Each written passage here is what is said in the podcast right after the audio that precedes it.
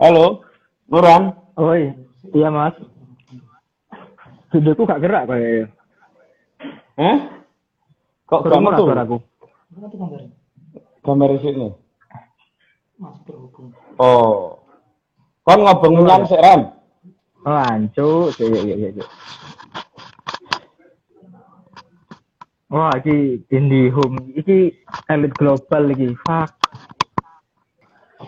Halo, gak gerak video rek.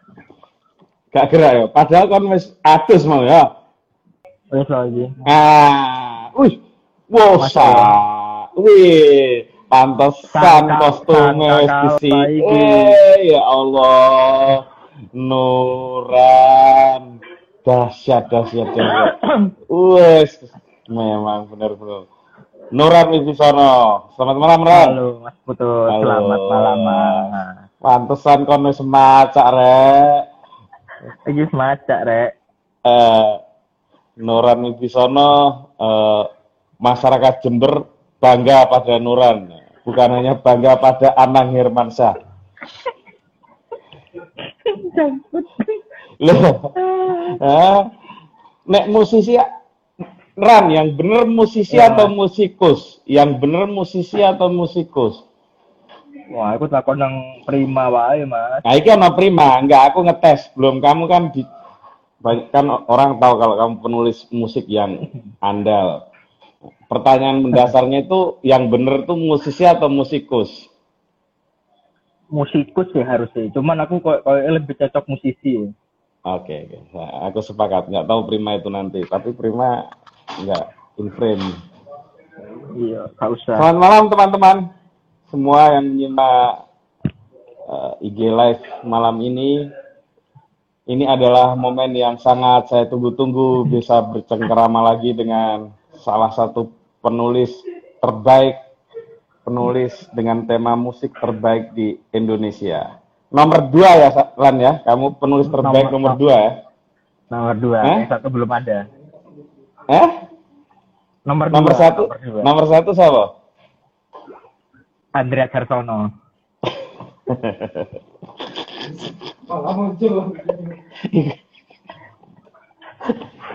Lo aku andalan kurek Andrea Carsono. Oh iya iya iya. Ada ada joke di dunia apa penulisan musik ya. Kalau Hmm. orang nggak bisa main musik atau terlempar dari belantika musik, maka jadi manajer musik. Mm-mm. Kalau nggak sanggup ilmu manajemen berarti jadi penulis musik gitu kan ya. Penulis musik. Kamu Iya. dulu Kasta kasta bawah lah. Di kasta bawah. Kak, kamu dulu eh, memutuskan menulis musik kenapa, Ran? Kayaknya karena kupikir waktu itu keren sih. Maksudnya gara-gara ada film judulnya Almost Famous, Mas. Itu Oke. film tahun 2000-an. Aku lupa tahun 2000 berapa ya. Jadi itu kisah nyata. Jadi ada penulis muda ini Nah, eh, ngajuin diri ke Rolling Stone buat ngikutin suatu band. Ini eh, settingnya tahun 70-an lah. Tahun Oke. 76, 77. Itu Hmm. pokoknya lagi masa-masa gila-gilanya rock and roll lah. Jadi si anak muda ini waktu itu masih umuran SMP. Dia Hmm. ngajuin diri ke Rolling Stone buat liput band yang dia suka itu.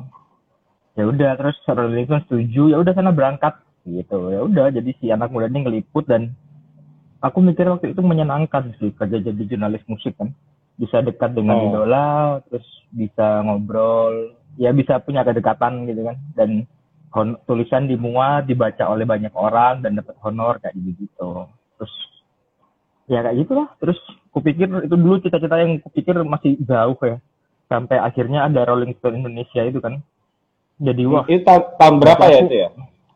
Rolling Stone Rolling Stone Indonesia Indonesia itu tahun berapa?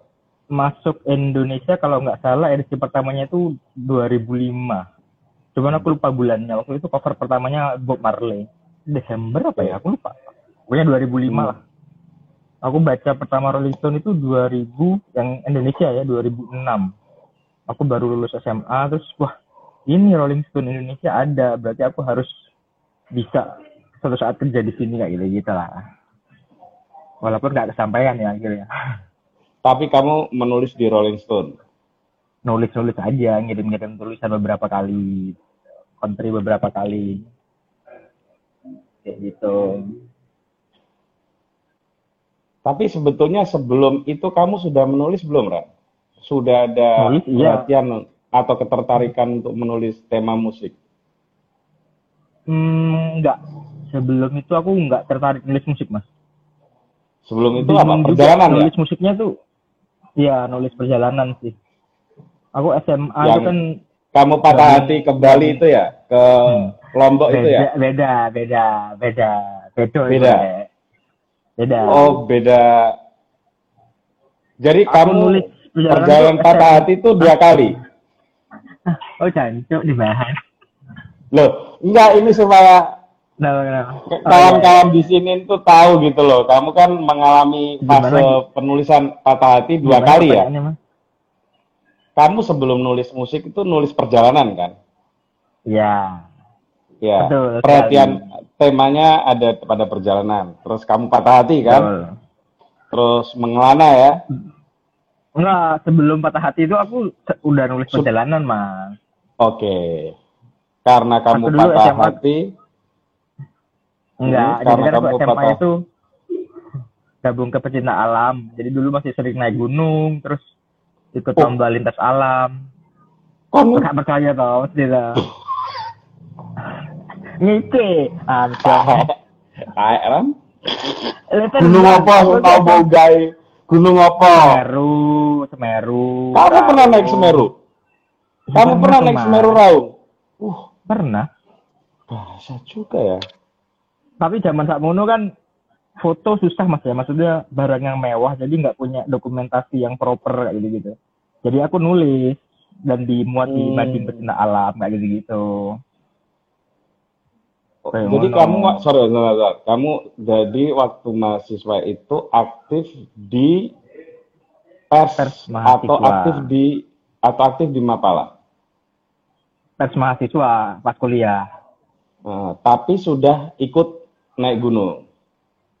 Dari SMA itu aku naik gunung SMA SMA pernah nih? Oh, kok gak percaya wong ya Jember Allah? Oh, ada gunungnya kan deket ke Raung deket Raung itu kan di Bondowoso toh deket ke Semeru juga deket Sebentar, oke. Ijen. Kamu kok bisa punya punya aspirasi untuk naik gunung itu? Apa yang mendorong kamu melakukan aktivitas itu? karena ini bapakku kan pecinta alam juga dulu dia dulu Oh. diriin inilah pecinta alam waktu kuliah terus omku itu kan Wanadri. Terus di rumah itu Oh. banyak majalah Wanadri. Terus aku baca tulisan-tulisannya. Banyak lah di majalah Wanadri itu kan banyak tulisan-tulisan lintas alam apa aku baca itu.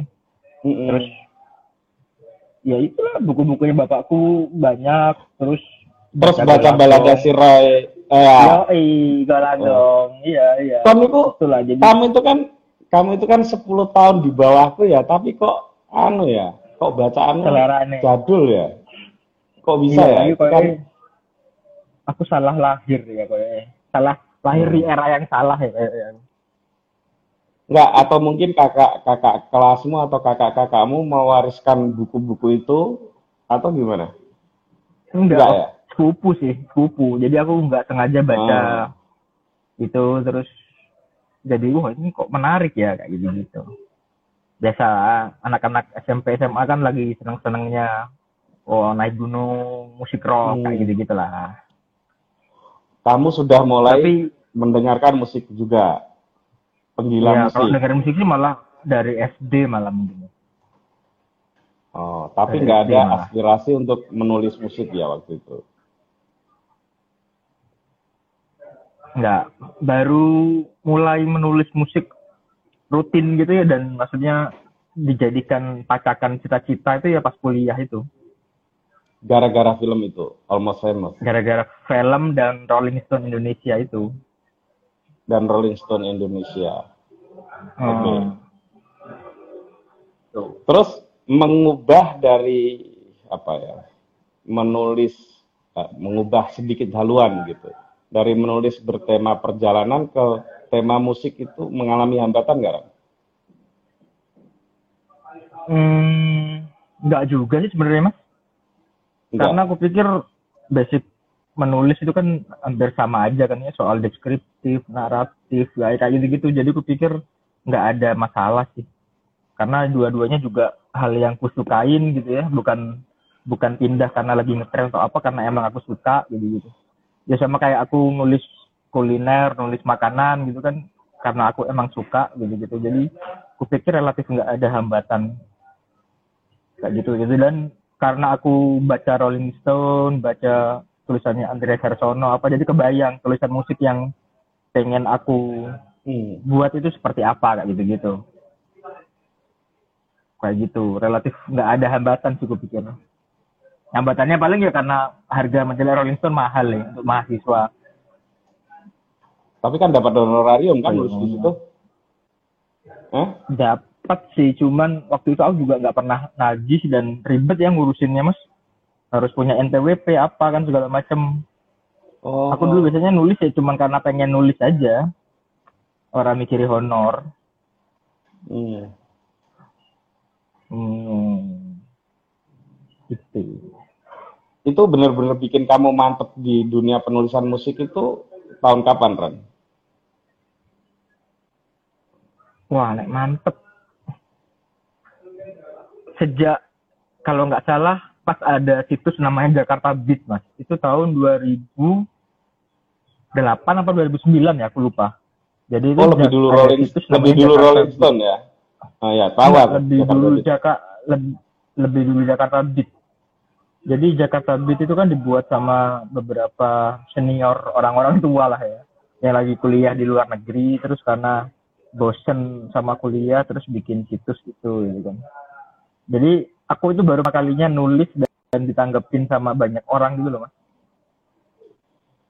Kalau dulu itu kan kayak nulis di pers mahasiswa itu kan ya udah dibaca sama mahasiswa sendiri gitu gitu kan nah pas barengan Jakarta Beat itu kan udah mulai era medsos ya mas ya?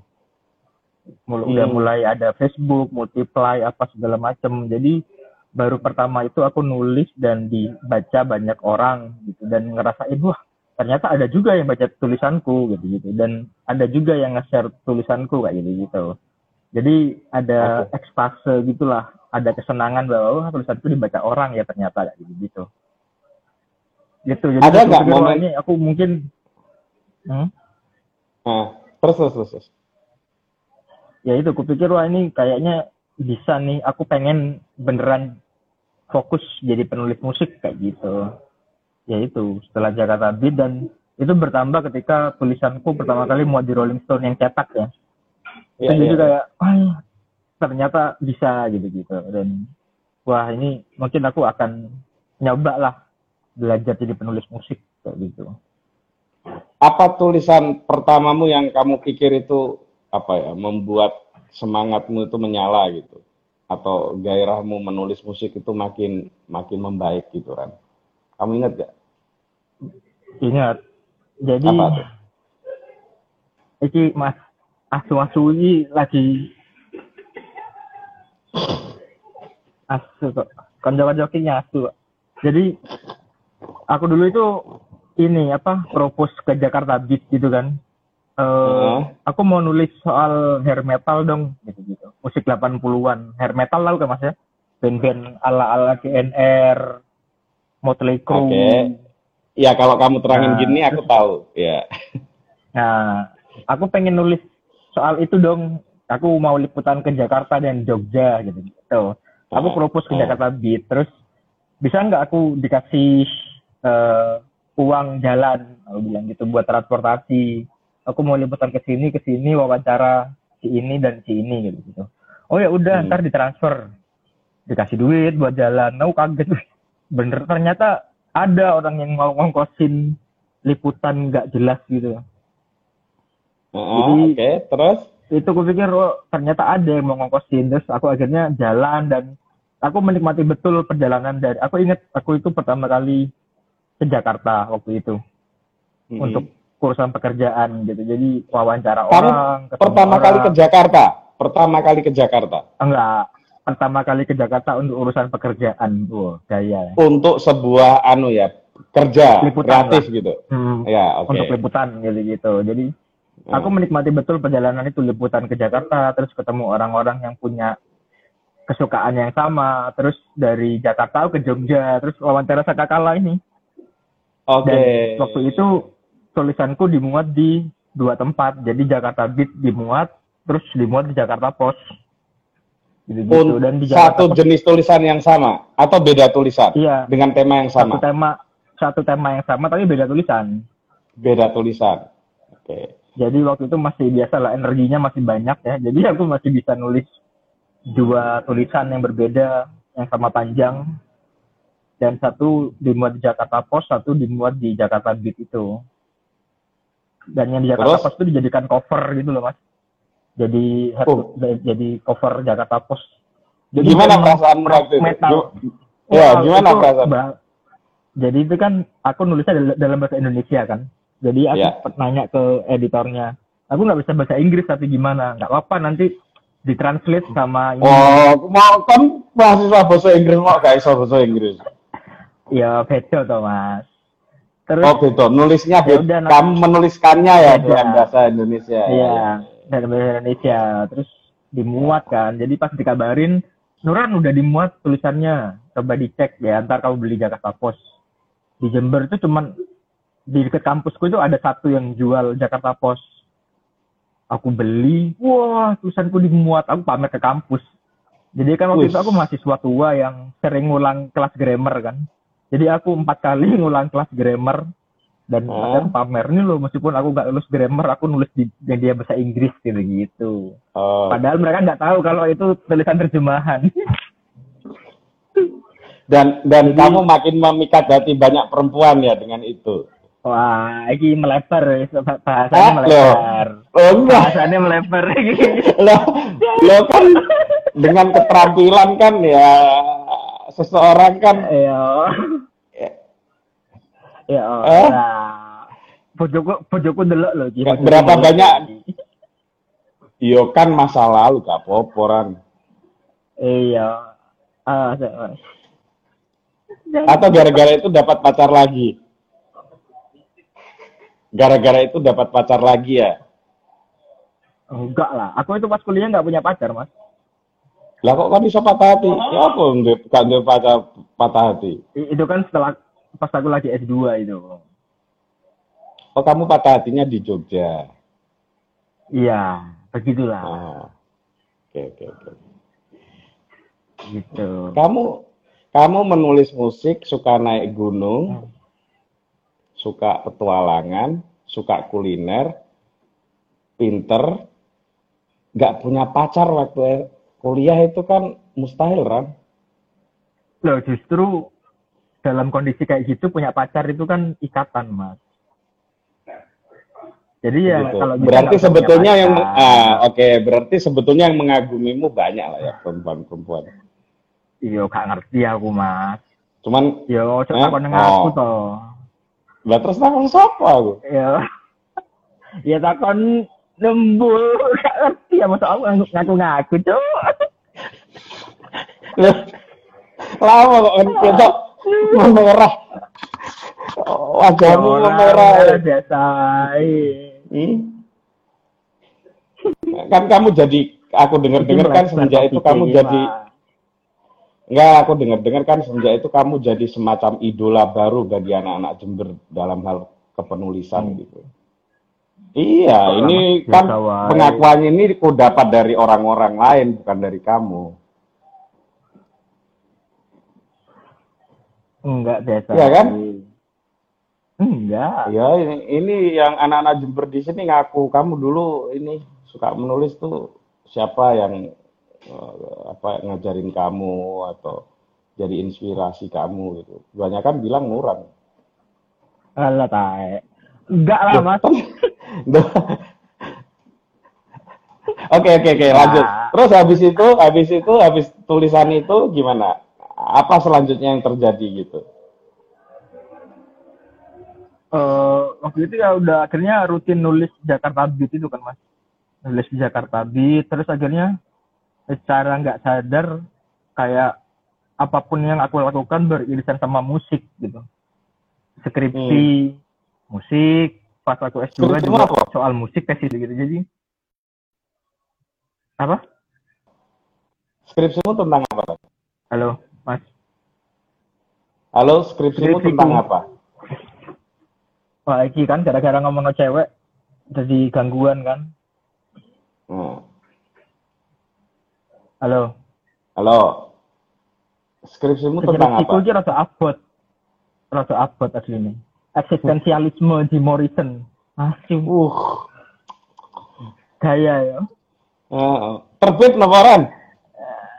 oh ora lah elek Eh? elek elek Oke. saya jadi bocor asu isine Eh, kalau tesismu apa, Ran? Tentang apa? Tesismu tentang apa? tesisku soal potensi pariwisata musik musik tourism gitu lah mas nah itu Hmm, yang iya, kemarin ngebantu aku ke Inggris itu yang Oke.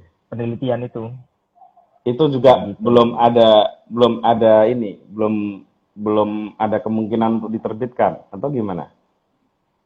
bakal diterbitin yang aku kemarin hari cerita yang rencananya itu diterbitin sama penerbit Jogja Oh, sama Raja Wali ya? ah, ah, ah, Raja itu Hmm. tapi mungkin baru akhir Oke. tahun antri dulu sama bukunya Om Dodok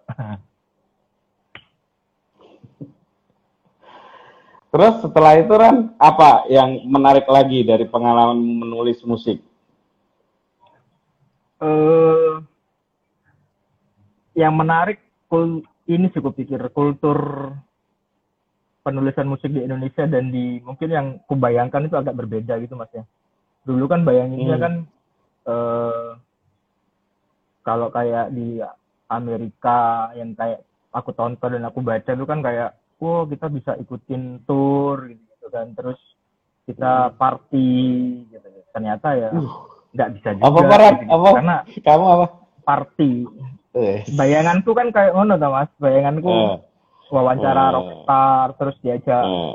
mang mabuk atau apa Eh. iya ternyata ya nggak juga gitu tapi aku pikir justru itu menariknya orang-orang Indonesia ya atau mungkin aku waktu itu wawancaranya ya bukan orang yang tepat ya jadi waktu itu tapi justru aku pikir jadi yang ku wawancara itu hal itu yang gondrong gondrong itu itu Hmm. ini gue pikir dia tuh suka mabok suka party gitu kan suka orgi gitu. ternyata Hmm. dia umroh gitu gitu terus pas bulan puasa itu nggak mau ngeband mau tadarus gitu gitu jadi itu berkesan banget sih buat aku. Terus Itu mirip-mirip kamu lah sebetulnya ya. ya enggak. Ya gak mirip. Kono terus kayak sangka kala gayane mendem mobil mau apa mendem es jeruk kono. Rock and roll Aku es jeruk.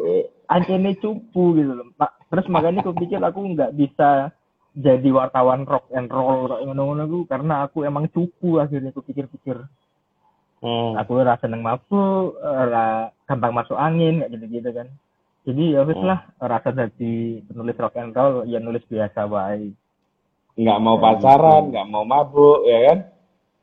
taruh wae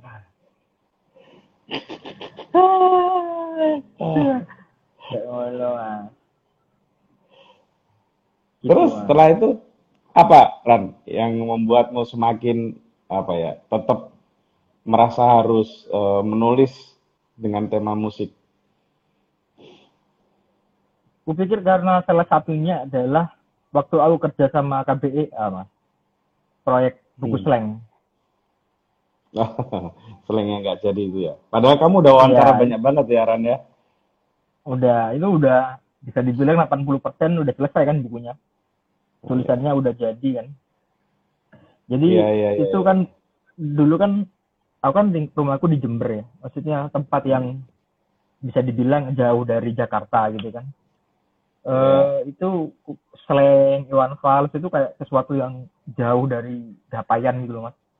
kayak Hmm. bukan sesuatu yang bisa aku gapai gitu nah terus pas kerja di KBA dan diajak Mas Putut ke Gang Potlot yang ketemu slang untuk pertama kalinya ingat nggak Mas Hmm. Ya, ingat.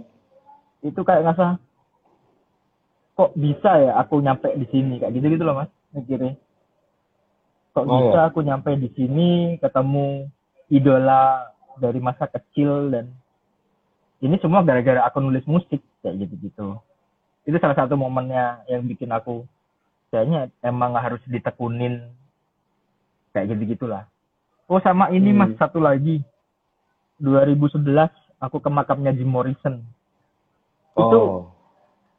itu jadi ceritanya kan ada lomba nulis soal 65 gitu kan mas Yang ada ini tuh tempo sama ada LSM Jerman gitulah. Hadiahnya itu ke Jerman selama sebulan kan. Nah waktu itu aku bingung Hmm. nulis apa ya? Aku cuma pengen jalan-jalan aja waktu itu. Mikirnya kalau menang lumayan lah jalan-jalan ke Jerman kan. Waktu itu aku ak- akhirnya aku tahunya nulis musik ya udahlah nulis aja. Jadi waktu itu aku ke Banyuwangi. Halo Halo? mas Halo? halo Ya, Hilang nggak. Mas? Ya, Hilang udah, nggak udah, ya? udah balik. Udah balik. sampai tadi mas Dengar nggak? Nah. sampai mana tadi Eh? sampai mana tadi Kamu ikut lomba. Oh, ikut iya. lomba. jadi Ya. aku kan waktu itu aku nulis genjer-genjer karena lagi-lagi masih beririsan sama musik. Jadi aku ke Banyuwangi wawancara orang lekra Hmm. yang kebetulan sahabat si pencipta genjer-genjer itu dan pernah satu penjara sama si M. Arif. Ngajar itu. Iya. ya udah nulis. Aku nggak punya ekspektasi menang karena apa pun ya ya cuman ini aja pengen nulis aja gitu. Ternyata menang kan. Udah berangkat ke Jerman aku bisa dalam tanda kutip kabur ke Prancis jalan-jalan gitu. Terus ke makam Jim Morrison aku kayak mikir kok aku bisa nyampe sini ya? Dari Jember yang belasan ribu kilometer gitu gara-gara tulisan musik bisa nyampe sini kayak gitu gitu Hmm. terus momen kedua momen kedua ya momen slang itu sih. Kamu di Kayak makam gitu, itu kayak mendapat ini nggak? Pencerahan gitu nggak, Ran? ora pisan sih Mau ngelamun tok isine ngelamun Kon ngelamun karo nangis kan ya? ora ora nangis biasa wae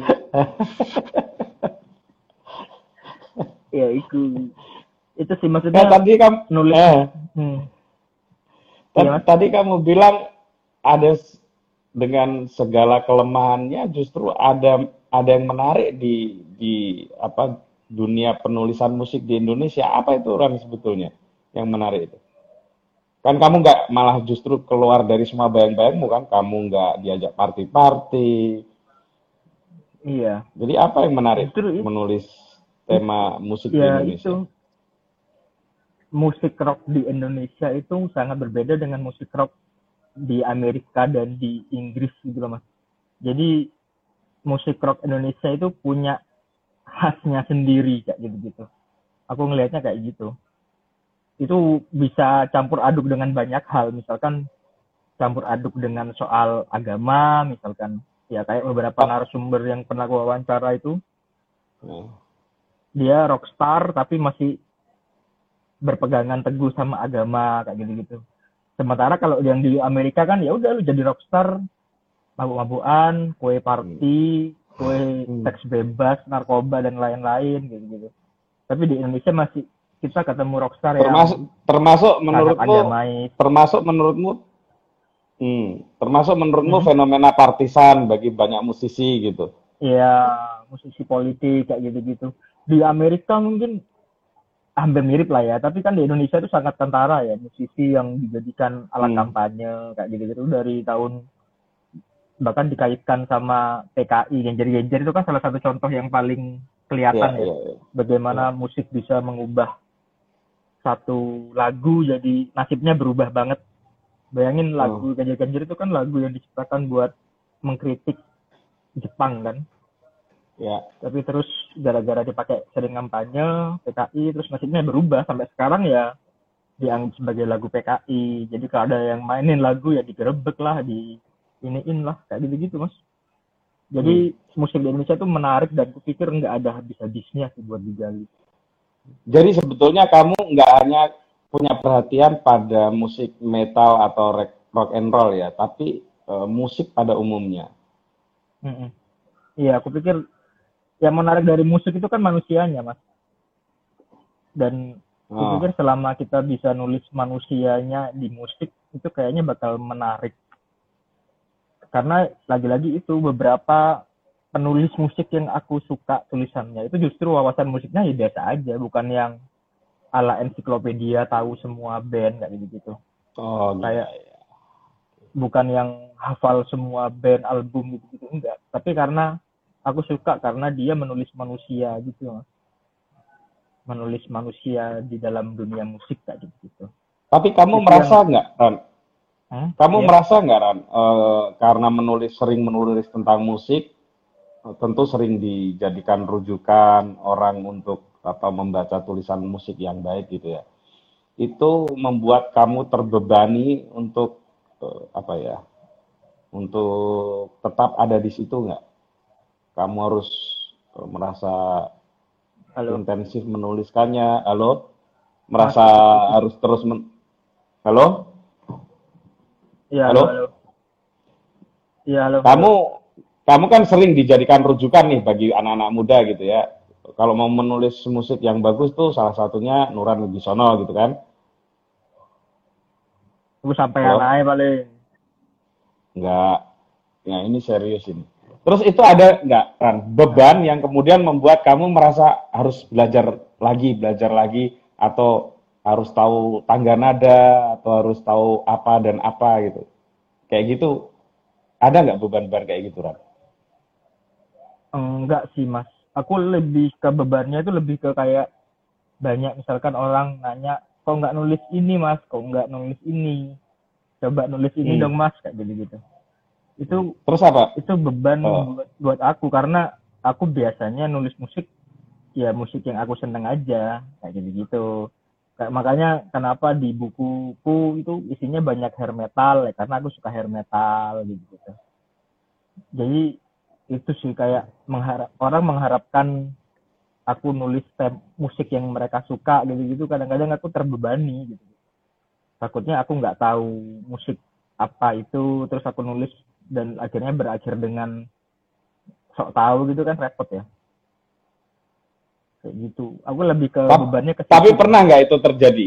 Pernah nggak itu terjadi? Karena permintaan atau dorongan tertentu sehingga kamu harus menuliskan tema itu, lalu eh, kamu Ah. merasa sok tahu gitu.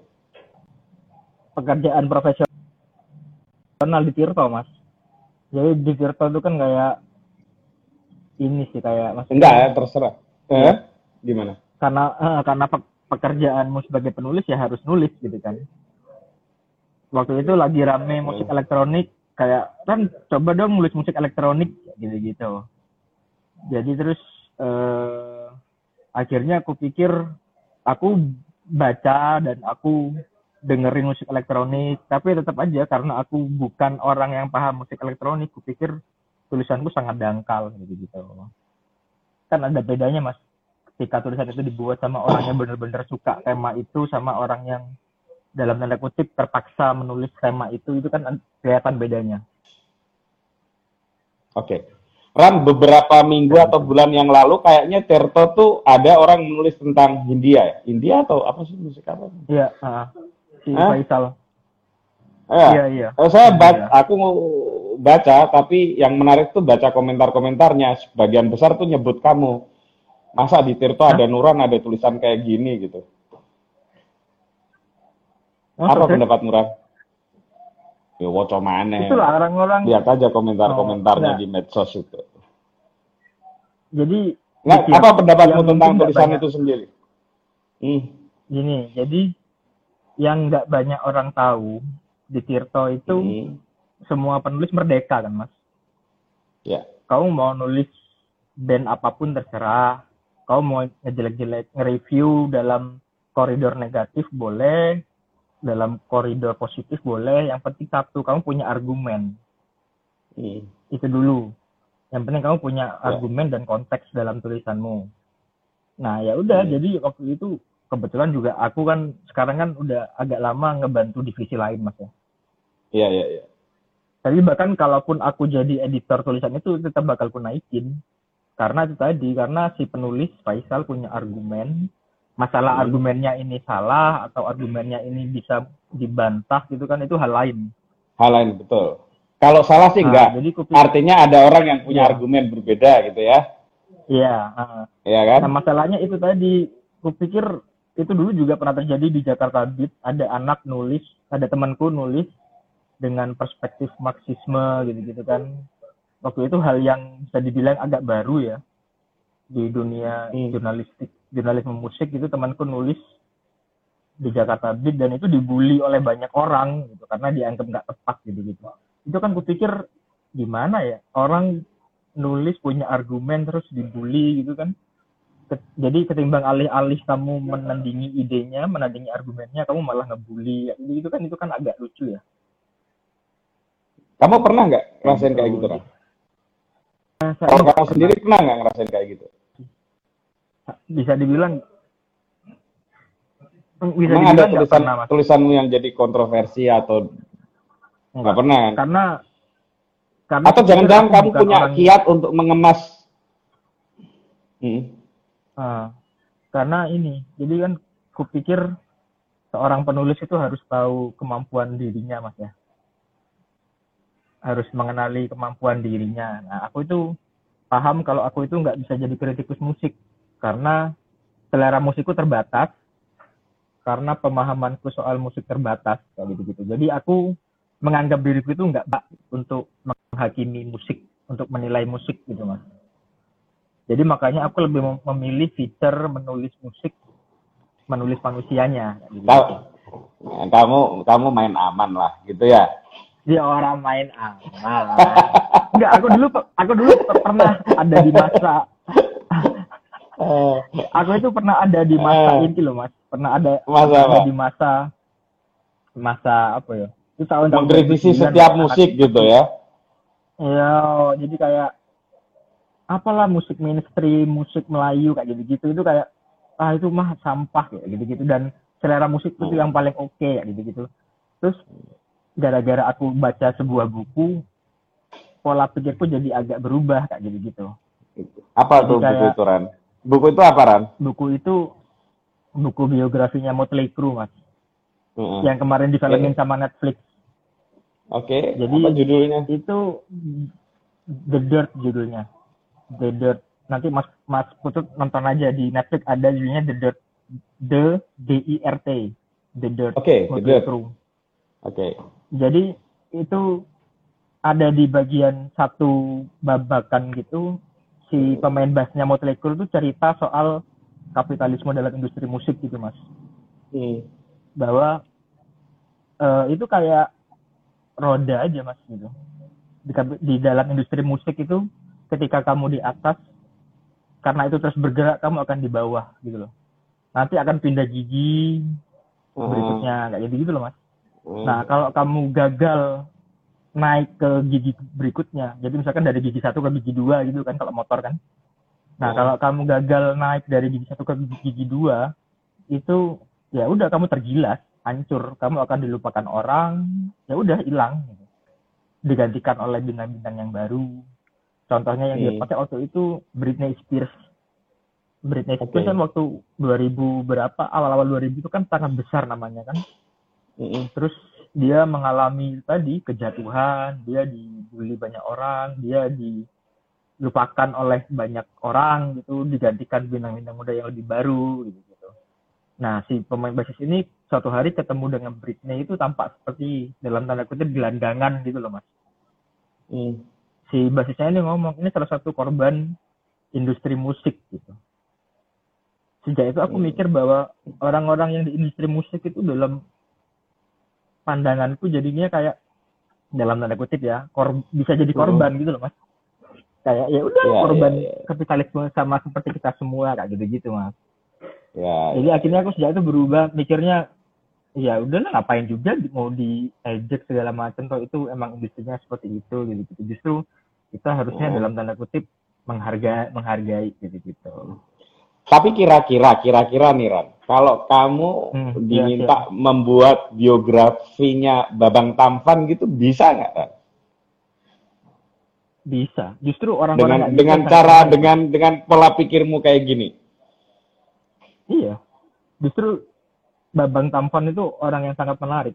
Jadi maksudnya dia pernah ada di titik tertinggi ya di industri musik ya, Iya, terjual betul. ratusan ribu keping gitu-gitu dan pernah di titik terendah juga gitu loh. Dia pernah dihujat banyak orang dan dia sekarang disukain oleh banyak orang gitu ya. Itu kan perjalanan hidup yang sangat menarik mas. Iya, iya. Ketimbang misalkan siapa yang lempeng gitu-gitu. Jadi kupikir itu mungkin lebih menarik ketimbang misalkan menulis Anang Hermansyah misalkan, walaupun tetap bisa menarik ya. Tapi ya itu, Oh, iya. kupikir misalkan kalau aku disuruh milih gitu, orang mau Mm-mm, nulis mm. biografinya Anang atau Babang Tampan gitu. Aku akan milih Babang Tampan.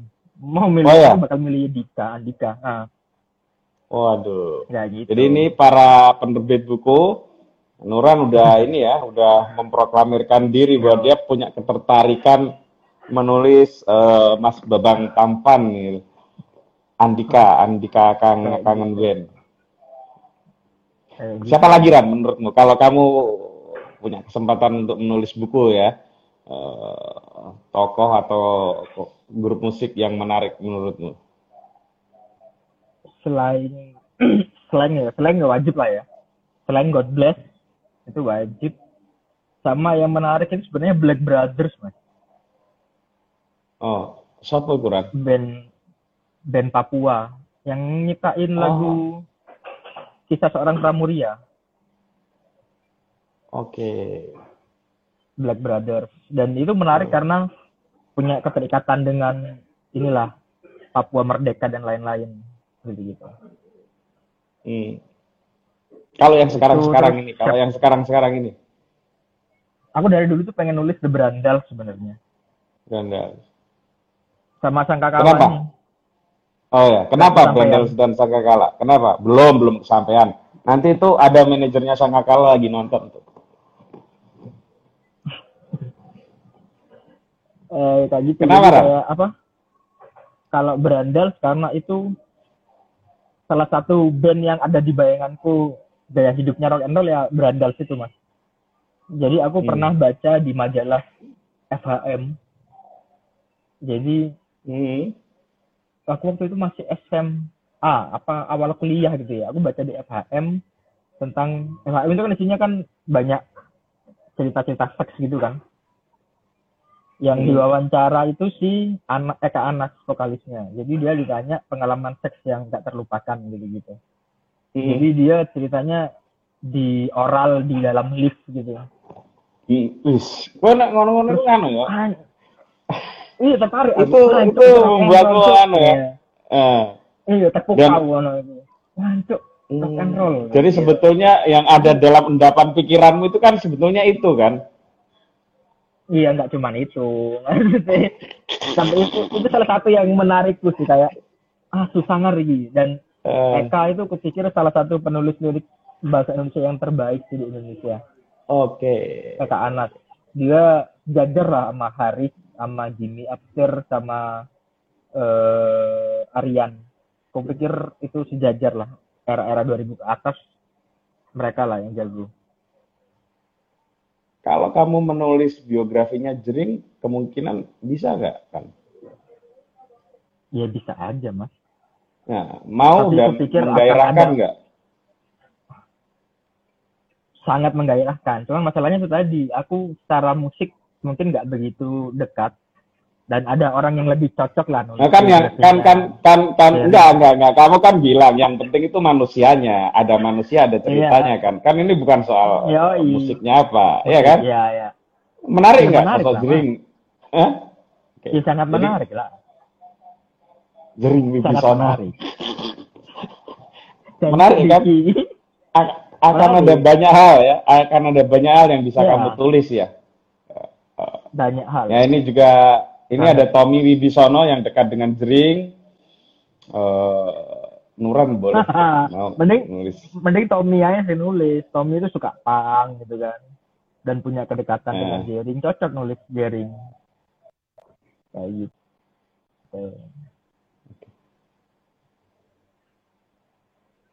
Terus Ran, aku mau tanya Ran. Kalau Mas. Iya, fenomena kayak Didi Kem, kalau fenomena kayak Didi Kempot dan Cak Dikin itu seberapa ini me- menyita perhatian kamu gitu? Cak Sodik, sorry. Cak, Cak Sodik yang- dan Cak Sodik, Sodik. dan eh, almarhum Didi Kempot. ya itu kupikir ini aja sih orang Jakarta gumunan mas Orang Jakarta Guna. Iya. terutama yang Iya. orang-orang di industri hiburan gitu ya ngelihat ada musik keren di luar dari mereka gitu kan. Buku ini kok ada yang keren gitu gitu. Terus kaget terus lu mau diundang ke TV gitu gitu. Ya, kayak gitu biasa aja. Terus orang-orang menur banyak menurutmu biasa aja tuh, Cak Sodik, Cak Sodik itu fenomena yang biasa aja. Dan Di- Kempot tuh. sebenarnya adalah si temenku si Irfan itu pernah nulis fenomena itulah bagaimana eh, dangdut itu dalam tanda kutip ya naik kelas gitu Di- dianggap naik kelas di karena tampil di TV nasional padahal kupikir yang sebenarnya yang butuh mereka itu bukan jadi yang bu- membutuhkan itu bukan Cak Sodik atau atau via Valen gitu. Yang butuh itu ya TV dan industri hiburan Indonesia yang butuh mereka gitu. Jadi Hmm. bahkan di luar mereka manggung di Jakarta gitu-gitu mereka itu aku kan pernah wawancara Cak Sodik Mas pernah liputan ke rumahnya bahkan ya nginep di sana itu Oh, iya? mereka pernah Itu ada di bukumu ya? Ada di bukumu nggak? ada ada di bukuku ada ada Ada ya. ya. ada Terus terus Jadi- terus. itu mereka mereka itu manggung sebulan itu pernah sampai 40 kali. Bayangin sebulan dalam 30 hari itu Hmm. dia manggung 40 kali gitu. Jadi dia cerita pernah Hmm. Mas, pagi manggung di mana, malamnya manggung di mana gitu. gitu. Oke. Dan sekali Terus apa anehnya? Orang-orang Apa apa anehnya itu?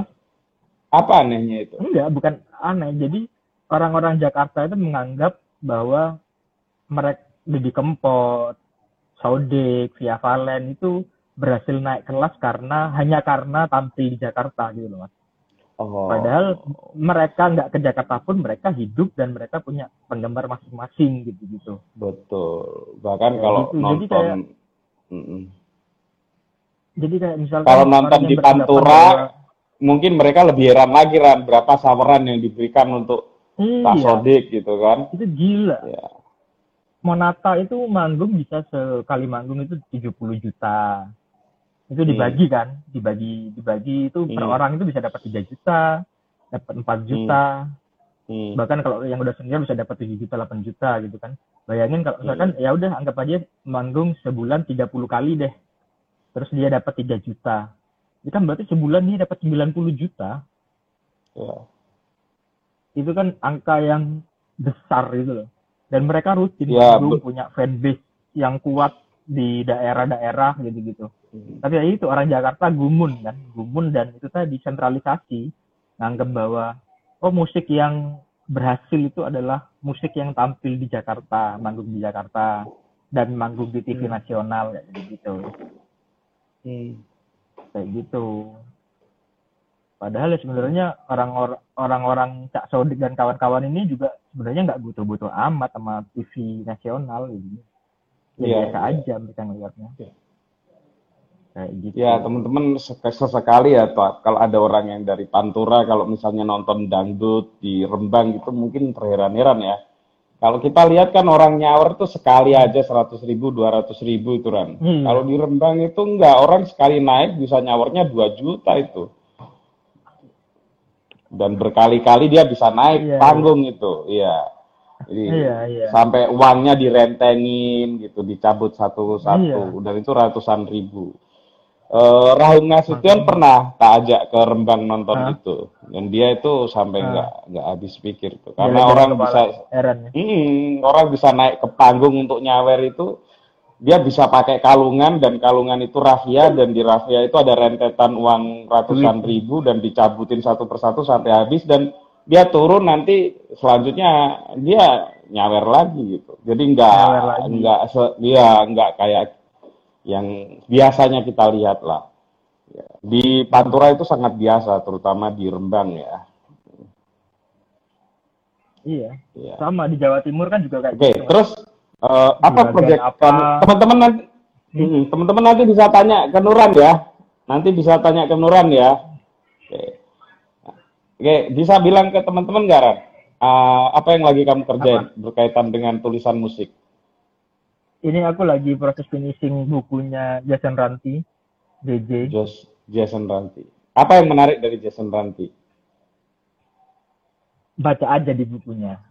promosi. Ya, kasih kasih inilah, kasih bocoran uh, dikit. DJ menarik karena dia punya banyak pengalaman dengan zat psikotropika gitu ya.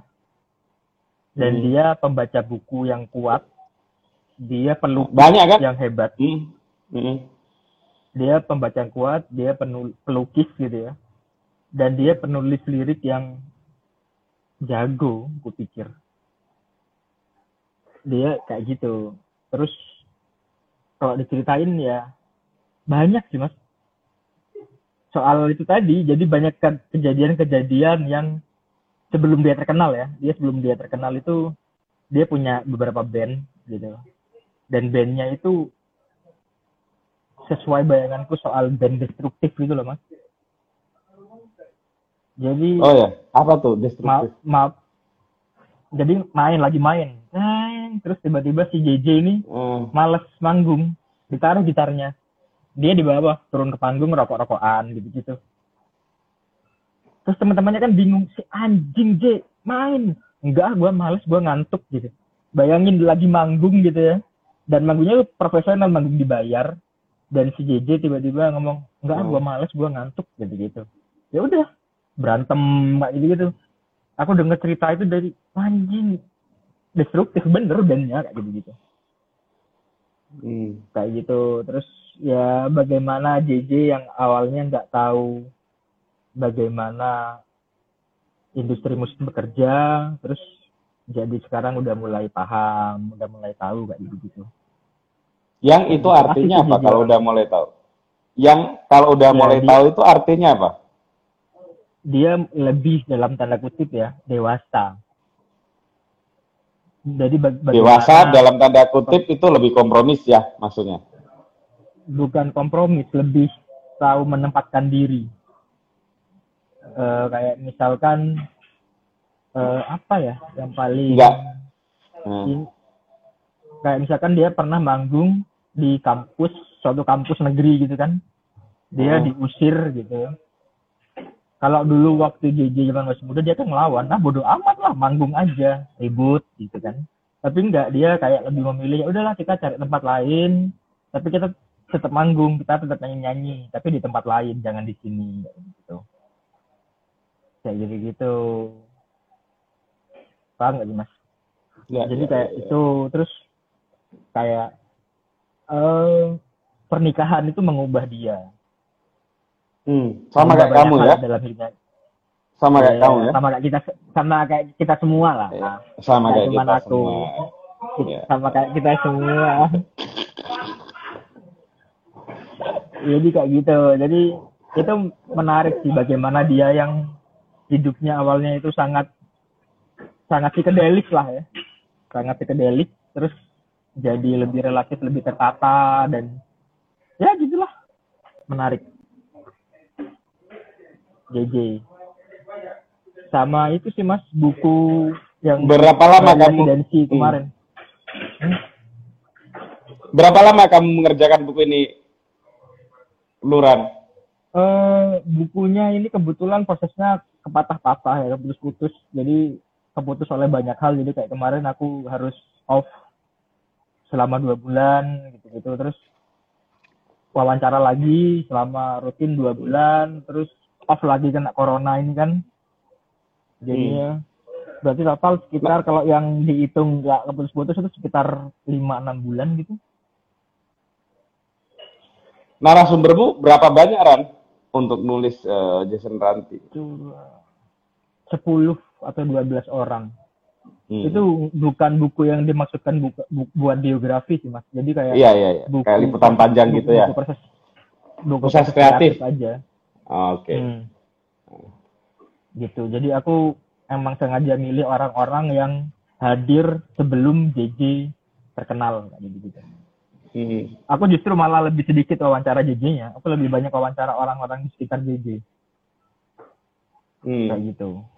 Uh, apa tantangannya JJ di apa apa hambatannya di dalam proses penulisan ini? Selain corona, selain hal-hal yang eksternal selain itu, selain kerjaan. itu. Oh, uh, ya itu wajar sih kalau cuma itu. Enggak sih, enggak. enggak. Ada satu hal yang sangat sensitif dan aku masih ragu-ragu itu perlu dimasukin dalam buku atau enggak. Karena itu sangat sensitif.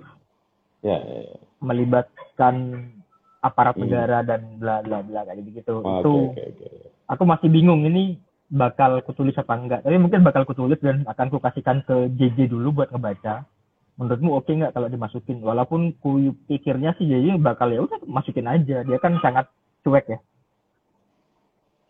ya ya, ya. gitu. terus jadi, selain itu lagi mengerjakan apa Ran?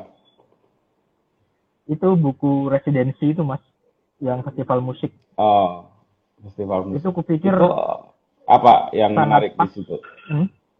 apa yang menarik yang menarik sebenarnya sebenarnya kalau dipikir-pikir menarik nggak menarik sih mas menariknya dalam arti ya ini festival musik gitu kan banyak orang yang sekarang lagi senang festival musik tapi nggak menariknya ya ini dari tesis gitu kan. Mungkin akan ada beberapa kutipan-kutipan teori kayak gitu, gitu yang mungkin hmm. akan membosankan bagi sebagian orang kayak gitu gitu tapi kupikir hmm. ini menarik karena sekarang kan festival musik itu jadi kayak kegiatan kesukaan banyak orang.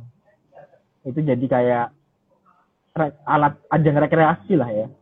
Sebelum ada corona okay. ini kayak ayo kita nonton bareng-bareng gitu. Nonton festival apa aku terakhir hmm. nonton konser itu ya pas residensi itu ada festival jazz itu tempatnya itu ada di banyak tempat teracak gitu loh hmm. mas jadi selama dua minggu itu ada festival itu dan tempatnya acak jadi aku naik kereta datengin yang ini pindah lagi datengin yang mana kayak gitu gitu hmm.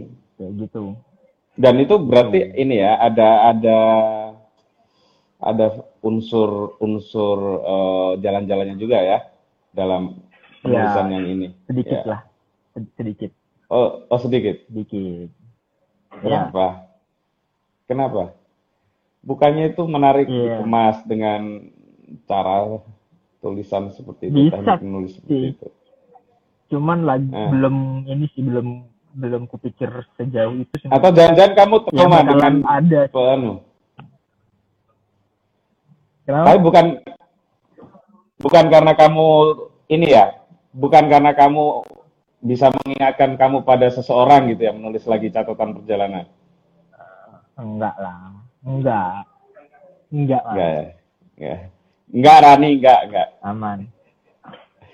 Enggak, tapi kenapa enggak dikemas dengan karena itu tadi ya. karena aku masukin juga ini uh, festival musik di Indonesia kayak gitu oh karena itu juga ada kaitannya dengan tesismu ya Ran ya iya betul sekali mas. bener nggak uh, bener iya, iya, iya. makanya jangan nyerempet nyerempet iya. tau jangan menyerempet hal di luar konteks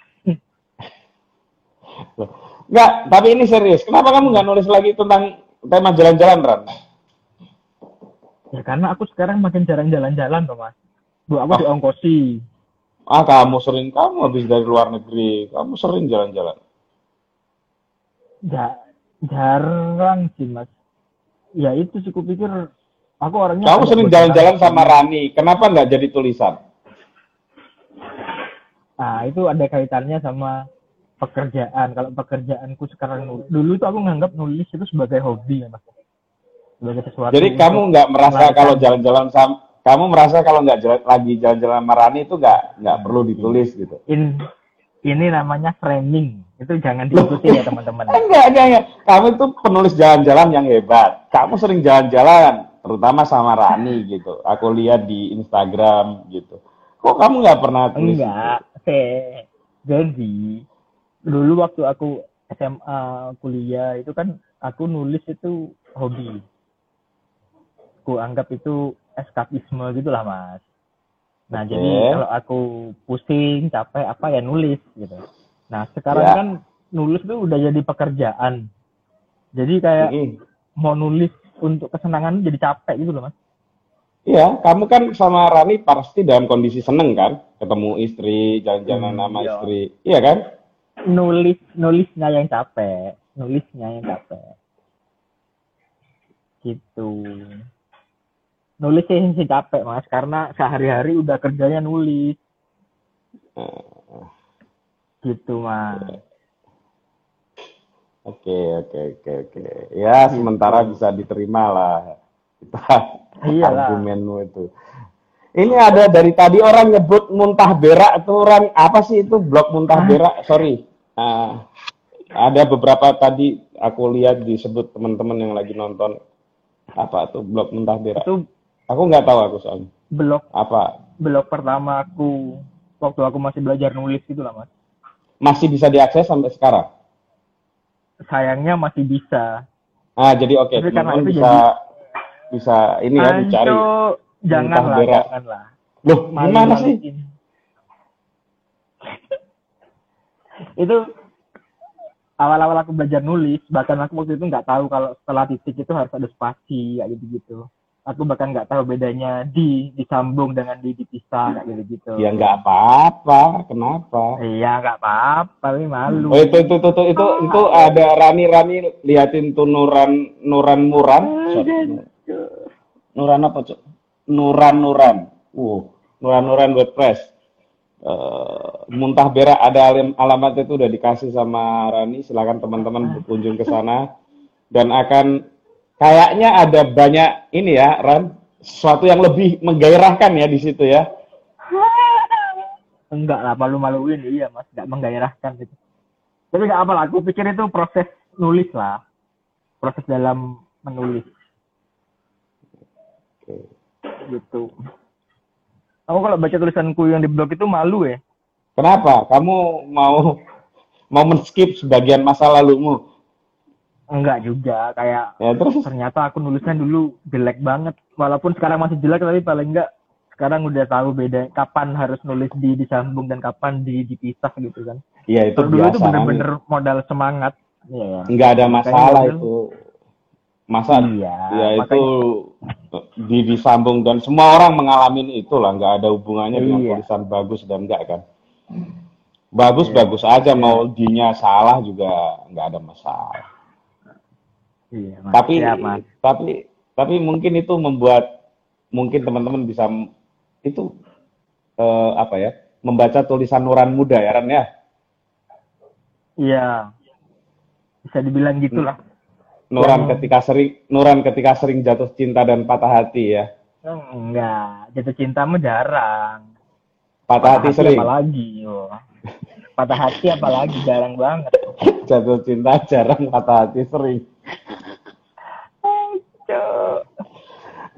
Fokus, fokus, fokus. Oke Ran. Ini terakhir Ran. Gimana menurutmu industri musik di saat di saat pandemi kayak gini Ran? Pertanyaannya kok apa, Rek? Eh, kalau dari beberapa yang aku ngobrol sama beberapa temen gitu kan, Hmm, ya hancur lebur, Mas.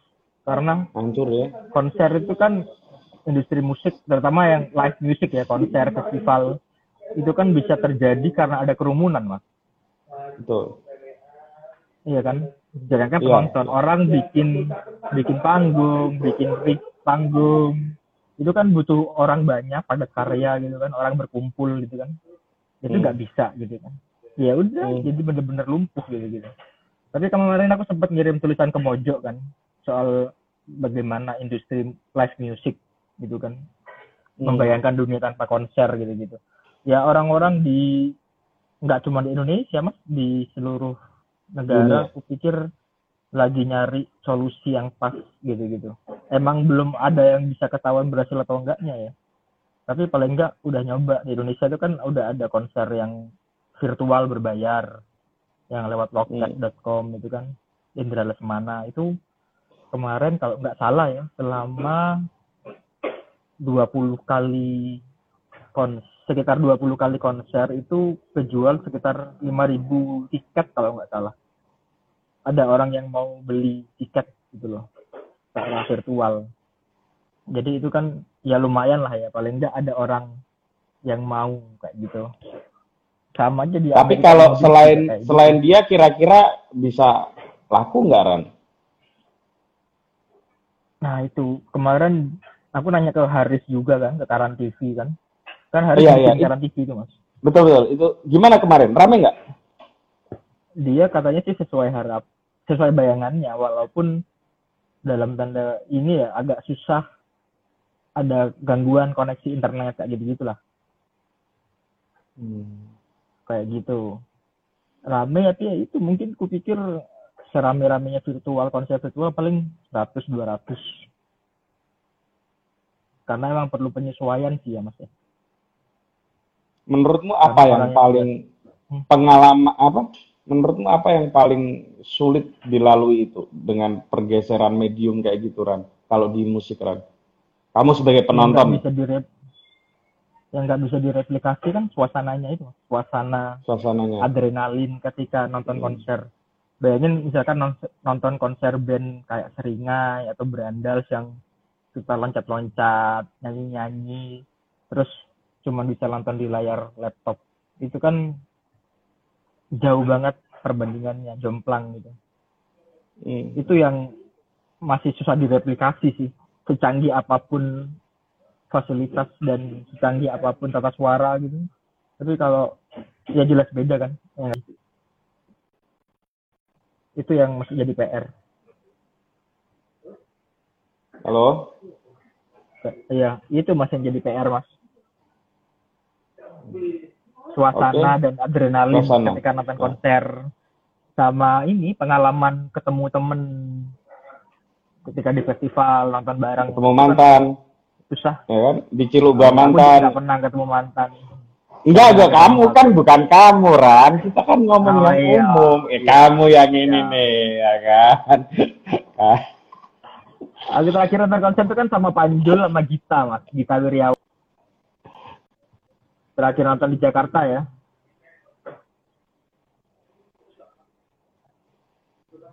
Halo. Hmm. Halo. Halo. Halo, Mas itu ya, aku terakhir nonton konser itu kan terakhir nonton konser itu sama Gita Wiryawan sama Panjul kan mm -hmm. itu sampai pagi kan wah itu mm -hmm. Menyenangkan gitu gitu. Bisa ketemu teman lama ngobrol -hmm. sampai pagi gitu kan. Itu kan yang nggak bisa direplikasi kalau nonton konser online. Mm. kayak gitu. Kira-kira seperti itu mah oke. Okay. oke okay, Nuran. Udah sejam lebih nih sama kamu nih Ran. Sebelum iya, iya, saya tutup, uh, aku dengar-dengar aku kan udah lihat kamu pakai topi, pakai kaosnya udah bisa. Kamu oh, headset, head, headsetnya apa Ran? Katanya mahal tuh baru. Weh. Oh, gancek dia mantap ya.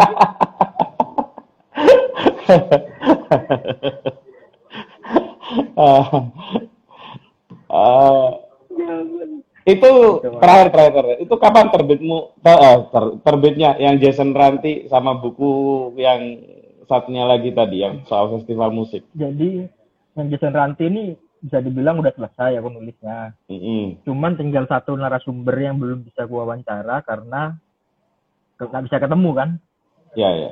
Karena itu jadi mungkin harusnya dua minggu tiga minggu lagi aku akan nyerahin draft bukuku ke penerbit itu terus ya selanjutnya terserah proses mereka kayak gimana kalau yang buku yang festival musik harusnya sih akhir tahun udah terbit ya dan buku pertama Nuran itu masih laris ya ini kayaknya mau dicetak ulang hmm. sama bukumu yang uh, terbitan Ea Books hmm. nah ya itu kan kayaknya kemarin ketemu Mama Nodi mau dicetak ulang lagi itu karena sudah banyak orang meminta dan stoknya kurang. Tapi ya dijadwal dulu. Siap. Itu itu kalau itu kalau ada penghargaan buku tentang musik di Indonesia kayaknya dapat penghargaan tuh Ran ya. Yo, enggak lah mas. Itu, itu kan cuma kumpulan tulisan wae, bukan yang tema tunggal. Oh iya, iya, Enggak iya. lah sih. mas. Harusnya yang tema tunggal tuh yang yang menarik ya. Iya. Nah, Kalau kumpulan tulisan mah enggak mas. tapi buku itu untuk ukuran di Indonesia dengan ketebalan seperti itu dan agak mahal ya termasuk laris banget. Udah cetak ulang berapa ya Ran ya? Tiga kali ya? Tiga apa ya? Lupa. Tiga kali atau kayaknya. empat kali ya? Ya. Tiga, tiga. Gitu. Ini ada yang tanya maaf kalau boleh tahu lagi bahas apa ya Mas? Ini udah selesai Mas. Jadi Mas, santai aja. rampung mas.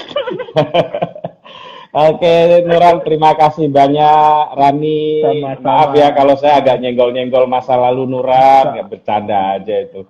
Biasa, Dan Bang. salam, ya ya, salam buat di situ kalau nggak salah ada Yandri sama Siap. si Ada Dani ya. Yandri. sama Dani. Ya, salam, Siap, salam semua deh. Ya, jaga jarak Siap. dan terus jaga kesehatan. Oke, Siap, terima Mas. kasih semua teman-teman. Ya, yuk. Makasih. makasih ya. Makasih Mas Tut.